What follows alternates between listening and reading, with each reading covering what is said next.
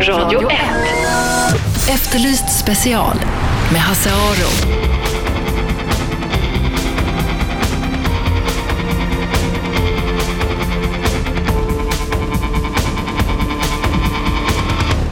Välkomna hit till Efterlyst special. Hasse heter jag som ni hörde och programmet går på Radio 1, Sveriges bästa pratradio enligt eh, det pris som vi vann tidigare i år.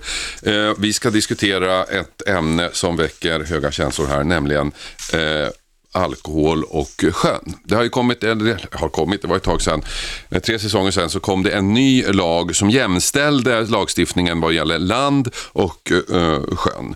Eh, på land så har det ju sedan länge varit en gräns på 0,2 promille eh, för, att få, för att bli straffad för eh, rattfylleri eh, eller rattonykterhet. Den gränsen infördes på sjön nu är det ju många som tror att tidigare var det väl okej okay att köra full. Det var det inte alls det, men tidigare var det här en del av sjölagen och där stod det att den som var så brusad att han kunde antas att inte kunna sköta sitt båtkörande på, på ett säkert sätt, den personen skulle fällas för eh, eh sjöfylla, eller vad nu den eh, juridiska termen var. Så att det var inte så att det var tillåtet förut, och det, men nu blev det hårdare. Man jämställde då eh, bil och båt, 0,2 promille. Det är många som har protesterat mot det här som menar att eh, man kan inte jämföra bil och båttrafik. Det är två helt olika saker.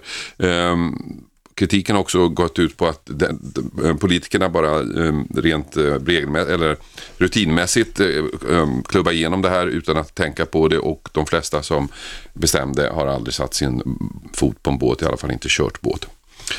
I studion finns Göran Gabrielsson, eh, känd imitatör men också engagerad i Båtfolket som är en organisation som bekämpar den här nya lagen. Eh, I samma organisation i styrelsen sitter också Sven Stigelberg som också är här. Välkomna hit. Tackar. Eh, Göran, om Tack, vi börjar tack. med dig. Eh, varför är den här lagen fel? Ja, det är ju en lag som uppenbarligen inte behövs. Tittar vi tillbaka på olycksstatistiken, hur den var i tioårsperspektiv bakåt och hur den ser ut nu, så är det ungefär samma bild. Mm.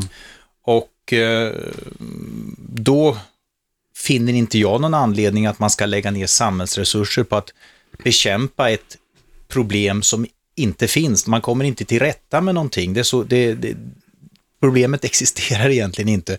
Men däremot vad, vad, vad som är den stora skillnaden är ju hur otroligt mycket besvärligare det är i ett sjölandskap när du inte kan förflytta dig. Det enda sättet är båt. Mm. Så det har ju låst fast folk på ett sätt som inte finns motsvarigheten till på land, för där kan du faktiskt för egen maskin, oftast är det kanske cykel eller gå eller kanske ta taxi eller buss, förflytta dig. Och det går inte. Det är som att vara inlåst i ditt eget kvarter eller på din egen tomt. Du måste ha en... Men måste man, man kan väl förflytta sig nykter? Ja, nej men jag bara säger att det är den, om man, hårdrar man det så, Ja. så, så, så, så måste du alltid ha en nykter ledsagare om det skulle motsvara översättas till landförhållanden. Och eh, när, när det uppenbarligen inte finns något underlag som styrker att man måste vara så här hård, då förstår jag inte varför man måste vara det när det saboterar så mycket. Jag vet inte vad Sven säger. Eh, Sen, eh, alltså, Kustbevakningens statistik visar att de tar ju fler människor eh, som är eh, alkoholpåverkade på sjön nu än förut. Men det är väl inte så konstigt?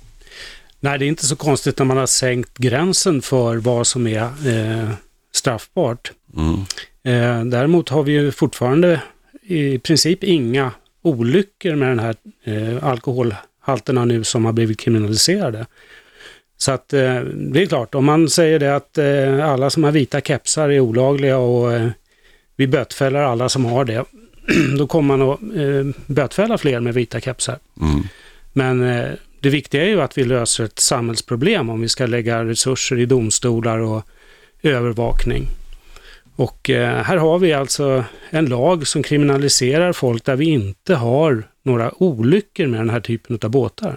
Du menar att vi, vi har en lag som reglerar ett problem som inte finns? Ja, Och det kostar? det kostar mycket pengar.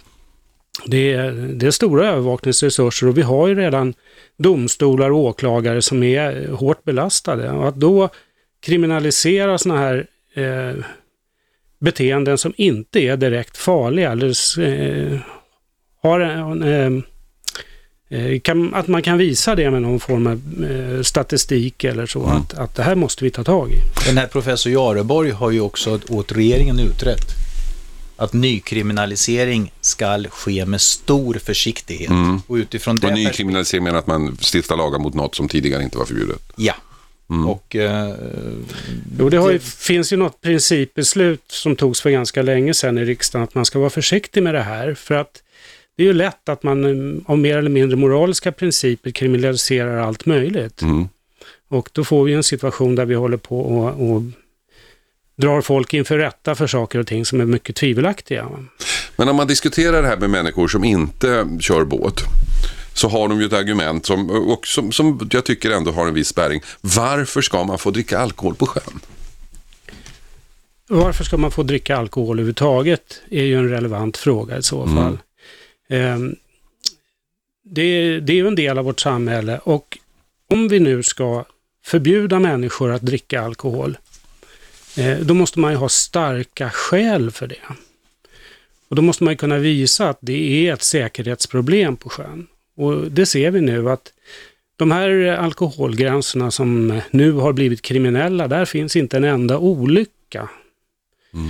Och vi har gått igenom ganska många domar eh, under många år. Jag tror det är 16 års tid vi har gått igenom.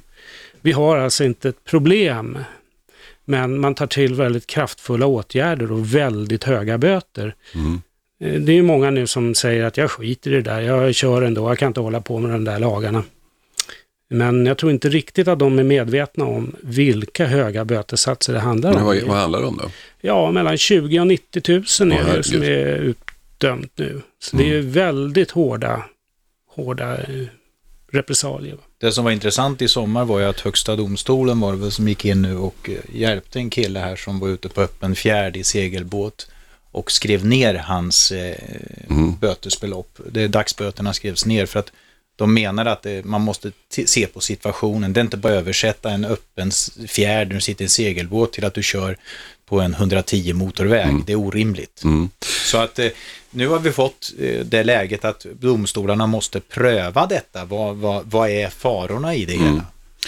Vi pratar alltså den nya alkohollagen på sjön som likställer lagstiftningen eh, vad gäller båt och vad gäller bil. 0,2 promille, där går gränsen. Utöver det så blir det böter. Det här är en lagstiftning som har mött en del eh, protester därför att man menar att det, det går inte att jämföra bilkörning och båtkörning på det sättet. Varför inte Göran? Kan du, för den som aldrig har kört båt, kan du förklara skillnaden? Ja, spontant så... Eh, jag, bruk, jag brukar leka med tanken, så här, vad är likheten och vad är skillnaden? Alltså hur mycket, hur mycket utbildning har vi inte kring, kring bil och, och, och jämfört med båt? Båt har vi övningskörning, ungdomar kan göra det på egen hand ofta. I, när de är 12-14 år så fungerar det inte i bil. Vi eh, har ju helt, vi är fastspända i bilen, det är vi inte i båten för det har visat sig att det inte behövs. Så att det finns, eh, det är så, den där omedelbara också eh, reaktionssnabbhet och du måste vara totalskärpt i bilen, varenda tiondel sekund måste du vara på hugget. Det är inte så i, vid, vid båtkörning.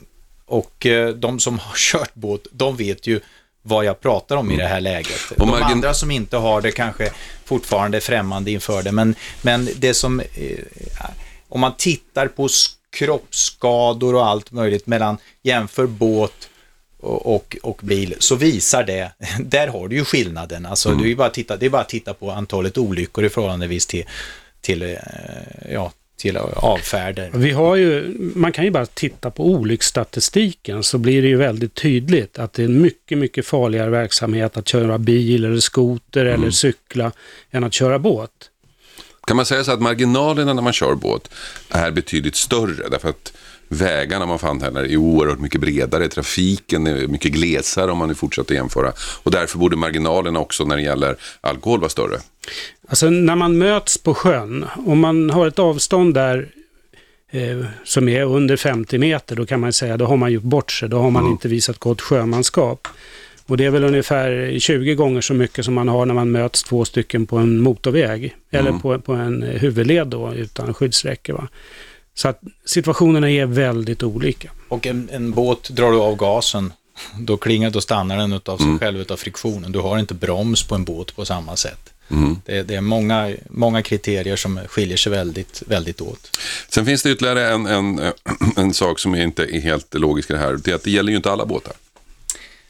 Nej, och eh, det skulle man ju vilja ha en förklaring på egentligen. Man har väl hört att det kan ha varit till och med någon slags kohandel politisk för att få, få till någonting så har man kompromissat fram det här. Men varför det skulle vara eh, så att säga mer rimligt att köra en tung snipa på en och, ett och ett halvt ton i 13 knop än en, än en 18 hästar i en liten plastbåt som kanske gör 16 knop, det, det, det förstår inte jag. Alltså, det är ju där vi har olyckor. Det är ju små båtar i insjöar och det är ofta eh, män som står och fiskar och eh, det är alltså väldigt, eh, rättare sagt, vi har inga olyckor med normala bruksbåtar och de här alkoholhalterna då eh, som är nu är kriminaliserade. Utan problemet är små båtar, ranka båtar och nu premierar man ju, man säger då att ja men ni kan väl ta någon roddbåt och åka om ni ska hälsa på vänner eller åka till krogen. Mm. Och det är ju direkt eh, felaktigt tycker jag att myndigheterna uppmuntrar att vi ska använda båtar som inte är säkra. För det är små båtar och alkohol som inte hör ihop. Våra vanliga bruksbåtar och de båt, båtarna vi bor i, där har man väldigt lite olyckor. Det är ju så att man kan, ju nu, man kan faktiskt skaffa sig en fyllebåt om man ska till krogen på en närliggande ö. Ja, det kan man göra, men ska vi retoriskt så säger man så här, jaha, eh, vad tillfredsställer vi då för behov? Tillfredsställer vi, vad, är det för, ska vi, vad ökar vi sjösäkerheten då? Finns det någonting som bevis för det? Nej, det finns inte det, utan i så fall så ska man bara skaffa sig en, en, en ny båt och en ny båtpark för att tillfredsställa ett, en genomklubbad lag. Men, man har, men, det finns ingenting som man kan titta på, jaha, det, det är faktiskt säkrare att du skaffar den här För den vanligaste drunkningen är väl som Sven är inne på, den vanligaste drunkningsolyckan det är en man som ramlar av en båt eh, för han står och, och fiskar och är inte helt nykter. Mm, det är en väldigt Det- vanlig olycka. Och det, då det är fortfarande tillåtet. Fiskarna, fis, ro ut och fiska när man är full. Ja, vi har ju tyvärr en avart av den här lagstiftningen. Den är ju så illa skriven så att det har ju blivit mycket konstiga saker som har hänt vad det gäller rättspraxis. Men vi har ju till och med fall där folk alltså har grovt sjöfylleri. Man har haft över en promille, men blivit frikända för att man har en båt som är mindre än 10 meter och under 15 knop. Men vad man, vad man då har gjort i praktiken är att man har sagt det är okej att vara full på små båtar, vilket inte var förut. Det är riktigt. Förut hade man en ansvarslag för det första, så att man var tvungen att vara kapabel att föra sin båt utan risk. Mm, oavsett storlek. Ja, och sen hade man eh, att man dömdes för grovt sjöfylleri alltid om man hade över en promille. Så på så vis har det blivit en, en, eh, Det in, en, en motsatt lag. Alltså en det har mildrats i vissa av- ja. det där är ju väldigt viktigt för att, som ni, som ni är inne på med ansvarsdelen, så att den som inte är insatt i vad det handlade om tidigare ordentligt, att, att det var inte okej att vara full, utan Nej. det fanns, det var upp, taket var en promille, så du skulle kunna känna dig trygg att du inte om du hade tagit ett par glas vin så kanske du låg på 0,5 eller vad det var, så skulle du kunna känna att ja, jag, jag ligger inom den här häraden, men jag tar ansvar för det, så det fanns en ansvarsdel. Visade du inte omdöme så kunde du, kunde du så att säga... Och det var för att det var en annan lagstiftning. Alltså sjölagen är ju, skiljer sig ju på Mm. Men många det- punkter mot, mot landlagen. Man ska Ja. säga. Sjölagen är en egen lagstiftningsområde. Så och det. där låg det här då. Ja, och lagen ser likadan ut för båtar eh, under 10 meter och eh, under 15 knop. Vi ska fortsätta diskutera eh, den här nya, eller nya, nygamla eh, sjölagen eh, med alkohol. Där man säger att eh, allt över 0,2 promille är förbjudet om man inte har en liten båt. Vad tycker du som lyssnar? Är det här ett problem? Eh, är det myndigheterna som lägger sig i hur vi lever? Eller är det bara ett lyxproblem för folk som har gott om pengar? Ring in 0200 11 12 13. 0200 11 12 13. Jag kommer att ta samtal under pausen. Radio 1. Efterlyst special med Hasse Aro.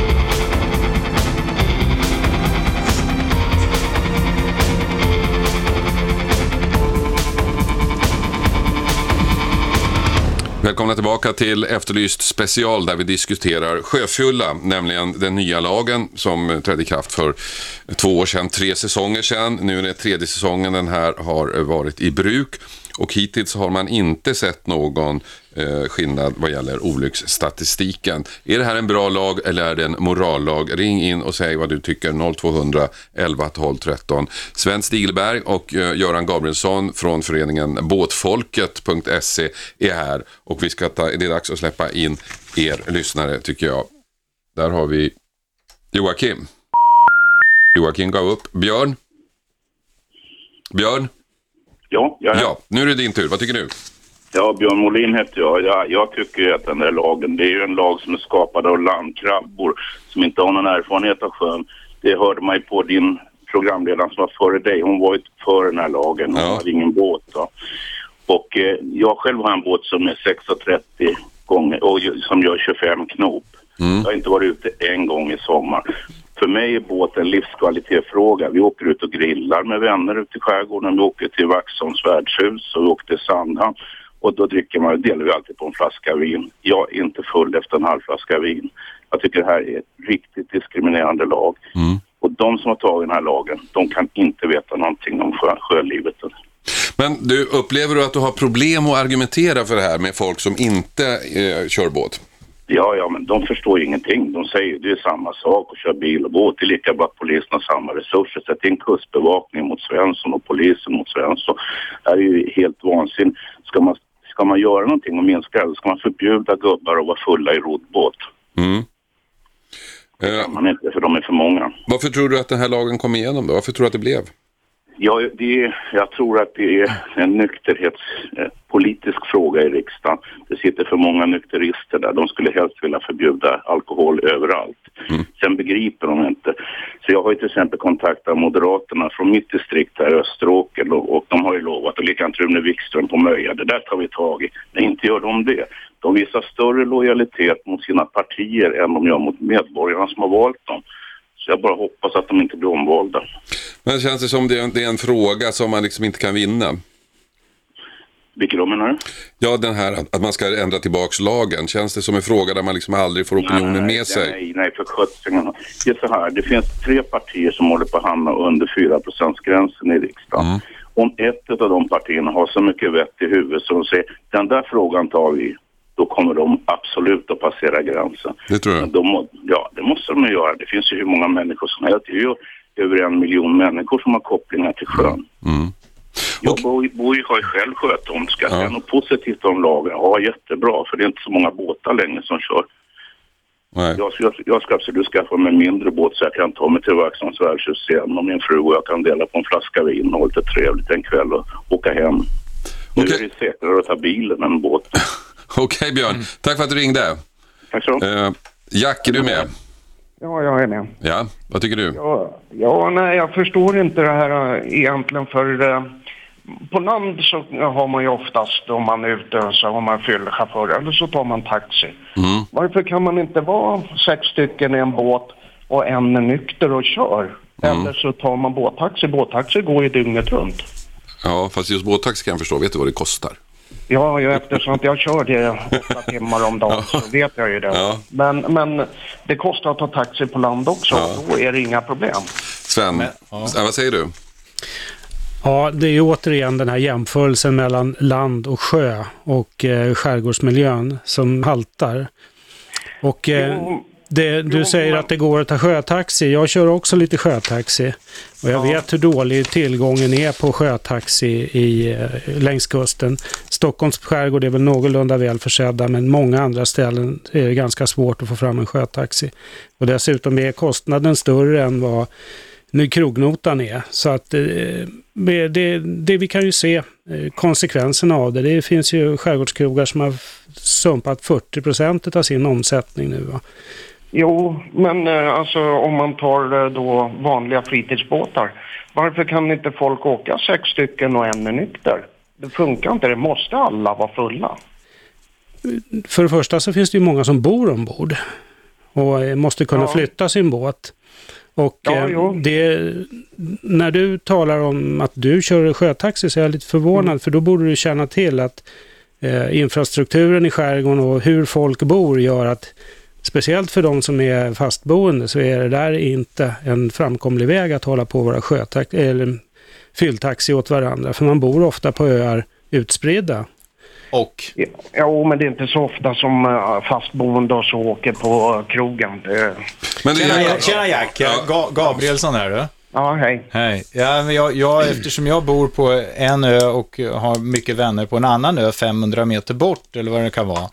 Eh, då, det går ner till den, det blir så otroligt eh, liten skala, som, det är så korta avstånd. Det är ju i princip bara, jag är folk bara 100 meter bort. Att, att hela tiden dela upp sitt liv i, i samåkning i en så liten skala. När du på land pratar om det här, då är det ju ofta ja, kanske ett par, tre kilometer uppåt en Ja, mil. Det, det, blir så, det, blir så, det blir så vansinnigt att, att, att, att bara 300 meter bort. Och sen har vi ju också det att om vi ska ta de här restriktionerna, då måste det ju finnas sakliga skäl och starka, starka skäl för att vi inte ska kunna ta vår båt och hälsa på varandra.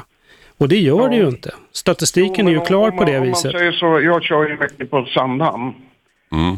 Och eh, där kan jag ju säga att det är betydligt mycket skönare att köra där nu efter den här lagen när vi har fått bort alla de här fyllebåtarna därifrån. Men du, alltså, det är ju där någonstans det ligger. Har man, har man verkligen fått bort fyllebåtarna? För att det var ju inte tillåtet att köra full förut heller. Och Kustbevakningen eh, låg utanför Sandhamn. De bor ju där mer eller mindre. Så att, Ja, på vilket sätt har det blivit skillnad menar du?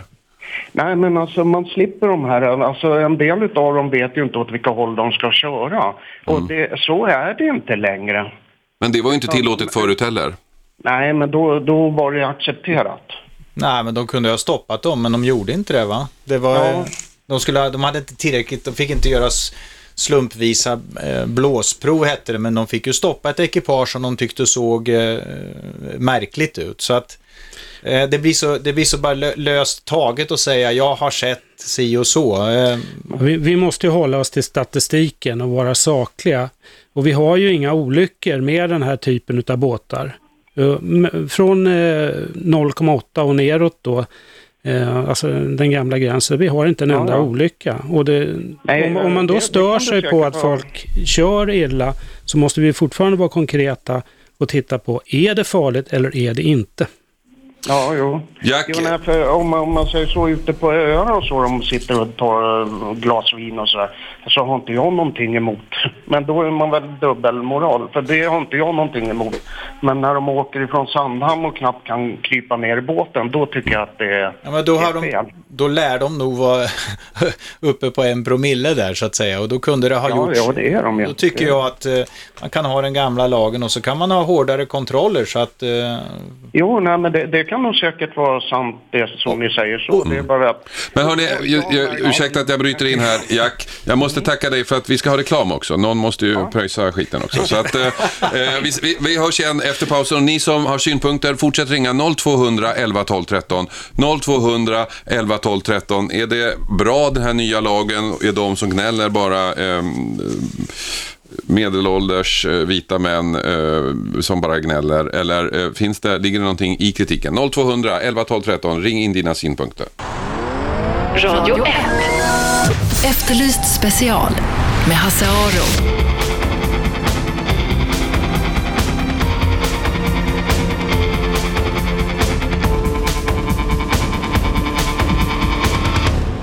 Välkomna tillbaka till Efterlyst special. Vi diskuterar eh, nykterhet och onykterhet på sjön. Detta med anledning av eh, den nygamla lagstiftningen som likställer bilkörning och båtkörning. Det vill säga man får inte ha mer än 0,2 promille i kroppen. Då blir man straffad. Det finns många som är emot detta. Sven Stigberg och Göran Gabrielsson är här för att diskutera detta och eh, vad vi har kommit fram till hittills bland annat är att den här lagen har inte på något sätt eh, påverkat olycksstatistiken och då kan man fråga varför ska man lagstifta mot ett problem som inte finns. Ni som lyssnar får gärna ringa in och säga vad ni tycker 0200 11 12 13 0200 11 12 13. Bosse har ringt. Bosse Andersson. Ja, Tjenare. tjenare. Vi känner varandra, vi säger det nu så är det klart sen. Ja, precis. har två saker. För det Du, första, du bor i skärgården ska vi säga. Jag bor i Skärgården, fastboende där ute. Två saker. För det första, eh, Kustbevakningen tycker inte jag liksom ska hålla på med civilrättsliga saker. De ska skydda, skydda våra kuster. Och inte liksom hålla på och jaga fylleskallar på sjön. Det är det ena. Det andra är ju det som man pratar om att man kan ha fyllchaffis på sjön. Nu har vi ju ett ganska bra mål nere på västkusten där det var en eh, onykter herre som lät sin fru köra och då blev han åtalad i alla fall därför det var anser att han då har eh, ansvaret för båten och båt, båtens framkomst. Så är det ju inte liksom när man kör bil om man har en, en eh, fyllchaffis. Även om jag talar om för min fru då hur hon ska köra så vill inte jag åtala för rattfylleri. Nej. Det där är lite märkligt för där krockar ju då eh, lagstiftningen. Jag menar, om, jag är ute, om jag är ute på sjön tillsammans med någon som, är, eh, som har en marin utbildning och jobbar, som alltså erfarenhetsmässigt och utbildningsmässigt är bättre än vad jag är och han är jättepackad och jag är nykter, då är frågan vad hamnar vi? Ja, precis. Det är det För som är så att konstigt. att enligt sjölagen så, så, så, så är ju den som är me- mest meriterad den ansvarige. Ja, och där, där krockar det ju totalt. Mm. Så, att det där med fyllchaffis är inte så himla bra det heller. Jag vet, vet Sven någonting om det? Ja, vi har ju det där problemet att eh, om jag tar råd utav någon ombord Mm. som, eh, som då har, har druckit lite grann så kan den personen råka illa ut. Mm. Och det är ju väldigt svävande, alltså lagen är så illa skriven så att det är väldigt svårt att veta vad det är som gäller egentligen. Om jag till exempel har en eh, 40-fotare, kan jag anses kunna kö- framföra den själv? Eller anses det att jag nog någon av mina passagerare också är med och tar en, eh, ett ansvar för båtens framförande. Då, kan de, då kan alltså besättningen råka illa ut. Även om jag är van att köra den där 40-fotaren själv. Mm. Och sen kommer vi upp till en 50-fotare. Ja, vad hamnar man då? Hur många i besättningen ska anses ha, fylla en funktion ombord? Så att eh, det, och det har, har ju professor Hugo Tiberg kritiserat väldigt hårt att det finns alldeles för mycket sådana här tveksamheter i lagstiftningen och tillämpningen utav den. Ja. Jag håller ju till uppe i Hälsinglands skärgård och Söderhamns skärgård och den är väl känd som bland det mest steniga som finns. Om man då är ute med någon polare som kanske ta, har tagit några bärs och så vill man åka in till någon, någon som, där det är lite trång passage, där, det, där man inte ens, där det på sjökortet bara är mörkblått. Då i princip så, så säger han, du passar där framme för där ligger det en sten. Det får inte han enligt lagen säga för han sköter en sjösäkerhetsmässig uppgift. Så han ska Så hålla visst- käften och låta ja. det gå på grund. Ja, det är, Bosse, det är så långt ifrån verkligheten. Men, men just precis, men på, på landsvägen så får man ju tala om när trottoarkanten man på närma sig. Ja, du, men du sa det här med kustbevakningen ska inte sköta civilrättsliga ärenden. Varför Nej, inte? alltså det, det var väl det som var grundtanken med, med eh, eh, kustbevakningen, att de skulle skydda våra kuster Mm. och inte jaga fulskallar.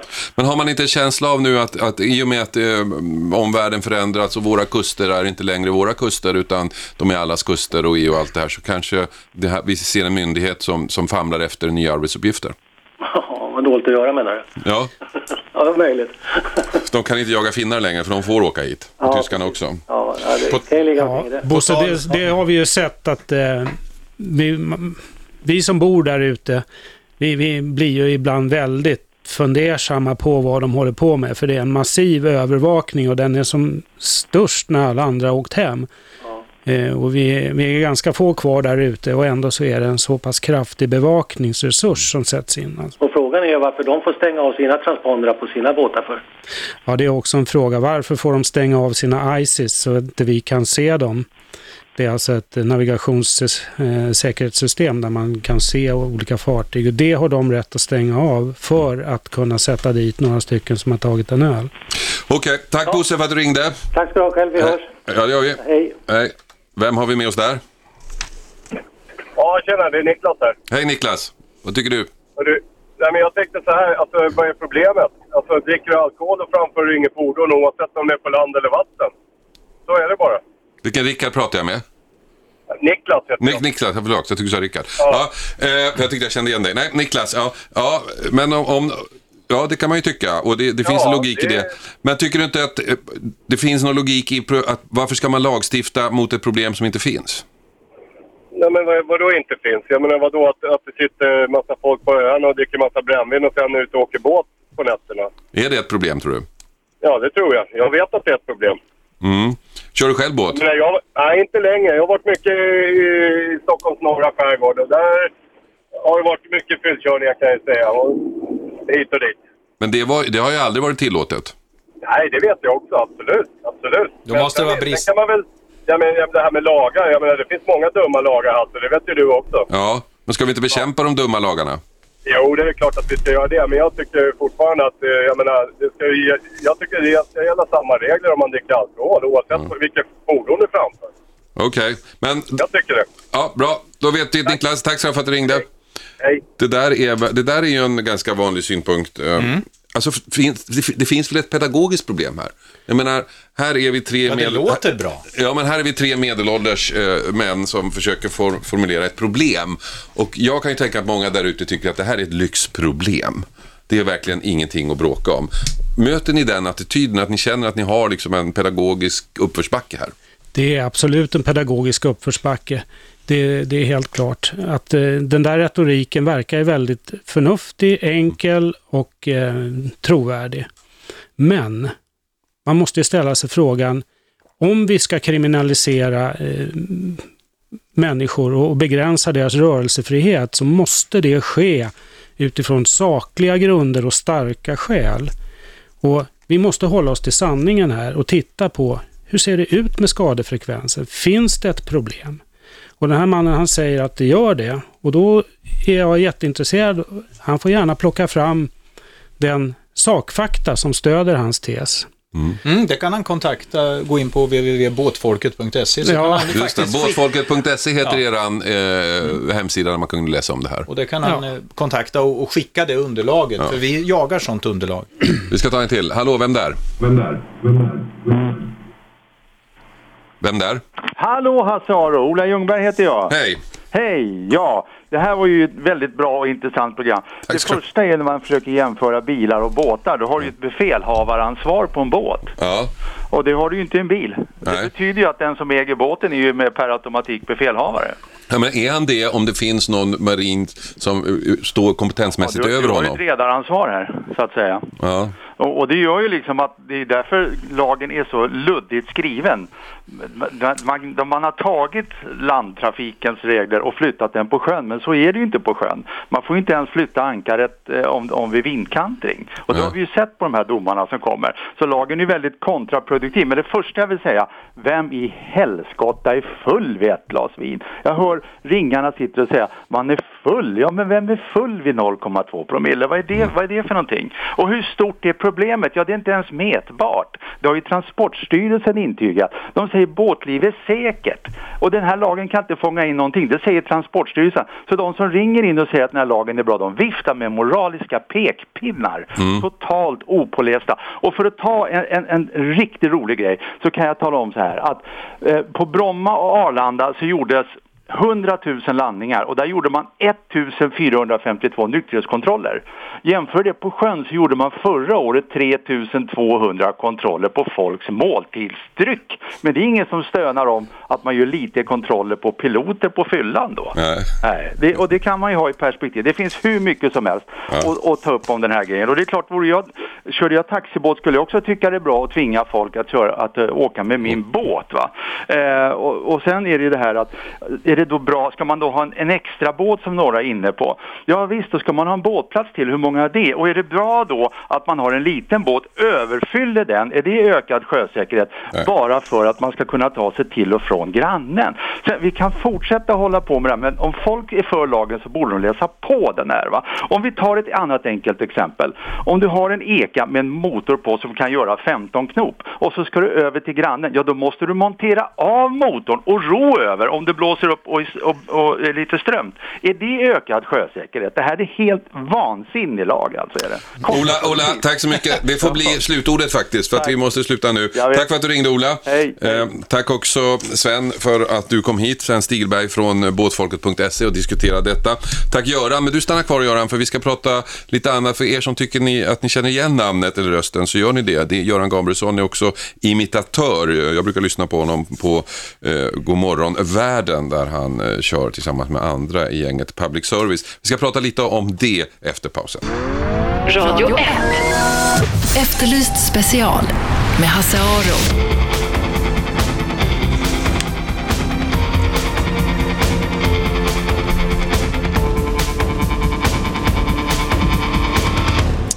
Välkomna tillbaka till Efterlyst eh, special där vi har diskuterat eh, sjöfylla och eh, den nya lagen, huruvida den är bra eller inte. En av de som var här från båtfolket.se var Göran Gabrielsson som argumenterade emot lagen. Men Göran är ju känd för mycket annat också, eller kanske mer för annat än för just båtfyllelagen. Göran, du är ju imitatör. Du är med i, uh, vad heter det nu? Public service. Public service heter de det, ni, det kan ni knappt säga i den här Nej, det får vi inte säga. Public service i uh, Godmorgon Världen. I P1. P1 eh, söndagar. Väldigt kul tycker jag det är. Och du, om vi nu ska bara ge oss på ett litet smakprov här av uh, de du har i ditt stall, eller hur man nu säger. Och vad de tycker om det, så kan vi börja med Jimmy Åkesson som har varit aktuell här nu i veckan. Vad tycker Jimmy Åkesson om alkohol och sjön? Men vi säger så här va, att vi menar att man ska inte förbjuda, förbjud inte alkoholen utan förbjud istället vattnet va. Därför det är ofta sjövägen som flyktingarna kommer. Ja, men andra har förmodligen eh, Hägglund till exempel. Eh, Ja, alltså eh, jag representerar ju Kristdemokraterna och jag jag vill bara säga att det som är så pinsamt, Hasse, med de här eh, båt och sjömänniskorna, det är ju att de på något sätt säger att de kan vara eh, lagom fulla. Eh, alltså det har jag aldrig klarat. Eh, Göran Persson är ju inte med i politiken längre, men han har säkert synpunkter han också. Ja, och dessutom fantastiskt kloka. Därför att vi, eh, alltså, alltså du vet att det här är ju ofta egna företagare vi talar om som klagar. Och eh, vad de glömmer bort är ju att det är ju faktiskt dagsböter på det här. Och jag har pratat med Per Nuder. Tar du inte ut någon lön, ja då blir det ju i princip inget belopp. Och till sist då, min eh, före detta eh, kollega och parhäst Leif GW Persson. Ja, alltså jag säger bara att mitt råd till, till de här killarna i båtfolket är argumentera aldrig med en idiot, alltså säger jag. Därför är det någon som lyssnar så, så kan det vara svårt för vederbörande att avgöra vem som är idiot.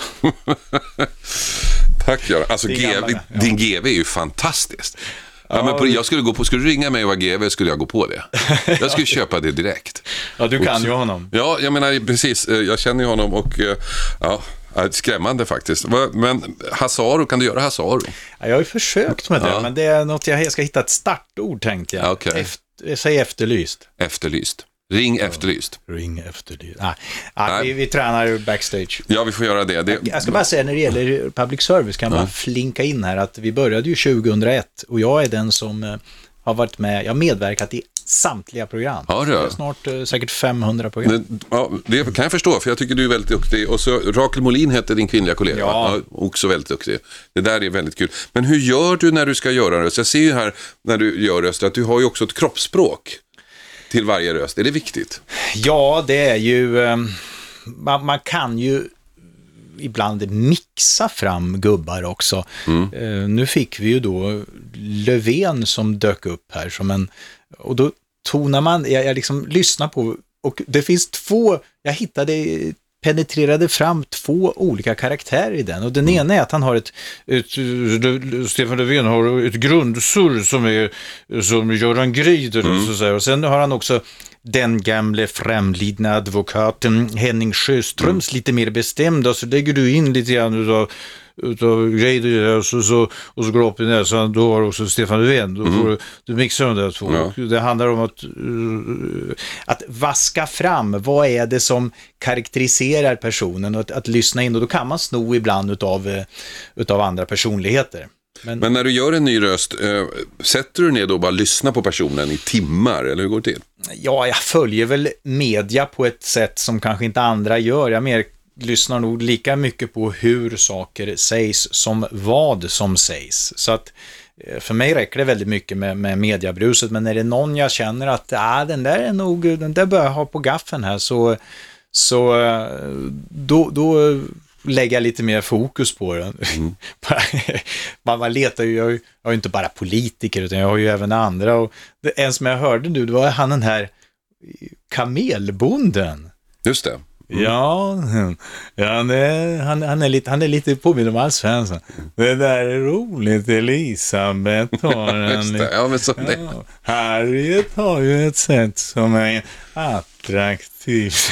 Men, men du, man har en känsla av att blir inte folk mer slätstrukna nu? Är det inte svårare att imitera nu än förr i tiden när du hade Tage Lander och Gunnar Sträng och Olof Palme och liksom eh, Gösta Bohm. Alla, alla lät ju lite konstiga på sitt sätt. För att inte prata om den gamla centerledaren, vad hette han nu? Fälldin, ja. Ja, den före honom till och med. Han var ju ett original på alla plan. Ja. Hedlund. Just det. Ja, ja. Hedlund. Nej, men det är väl så här att hittar man en krok på dem så, så blir de roliga. Mm, Ja, ta min speciale Carl Bildt som Mm. eh, han har varit med länge och är rolig. Så att, och, mm, ja, hans efterträdare Bo Lundgren eh, är också en röst som man kanske, och en som man inte trodde skulle kunna vara någonting, det var ju ja, Bengt Westerberg en gång i tiden när han dök upp. Så att, så att även de modernare politikerna, det gäller att hitta de blir roliga när man väl hittar någonting, men en som är svår att hitta någonting på och göra någonting av, som är väldigt slätstruken, det är ju faktiskt, eller slätstruken, men han är svårimiterad, det är Fredrik Reinfeldt. Alltså, Ja. jaha. Det, liksom, det ramlar ner någonstans i ansiktet, så här, allting bara, det, är- det är ledsen hund, hund som gäller.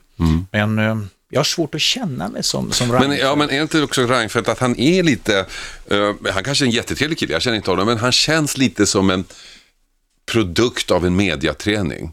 Det vill säga att han, han har slippat bort allting som man skulle kunna hänga upp sig på och, och, och därför så blir han också slätstruken. Ja, det är om man skulle kunna göra någonting på den mediaträning, alltså Ja. en karikatyr på media, den mediatränade profilen. Men det är nog, de är ju mer och mer hårt, eh, så att säga, eh, drillade idag, så att vissa, vissa kan nog eh, kanske ha tappat lite av sig själva. Vem sa, vilken röst saknar du mest som inte längre är aktuell? Som, ja, det är ju eh, ganska många. Ja, till och med de som inte är, är, är vid liv. Ja, jag hörde du körde Palme på mm, härom, Ja, häromveckan ja, det också. var ju Godmorgon världen. Ja, just det. Nej, men det, visst, det, förnyelseprocessen är, är det svåra, absolut. Så att jag kan inte direkt säga vem jag, vem jag saknar, men det är synd när de försvinner. Tack Göran Gabrielsson som eh, var här, inte för att prata om imitationer, men var tvungen förstås att göra det, utan vi har diskuterat sjöfyllerilagen. 101,9 Radio 1. Sveriges nya pratradio.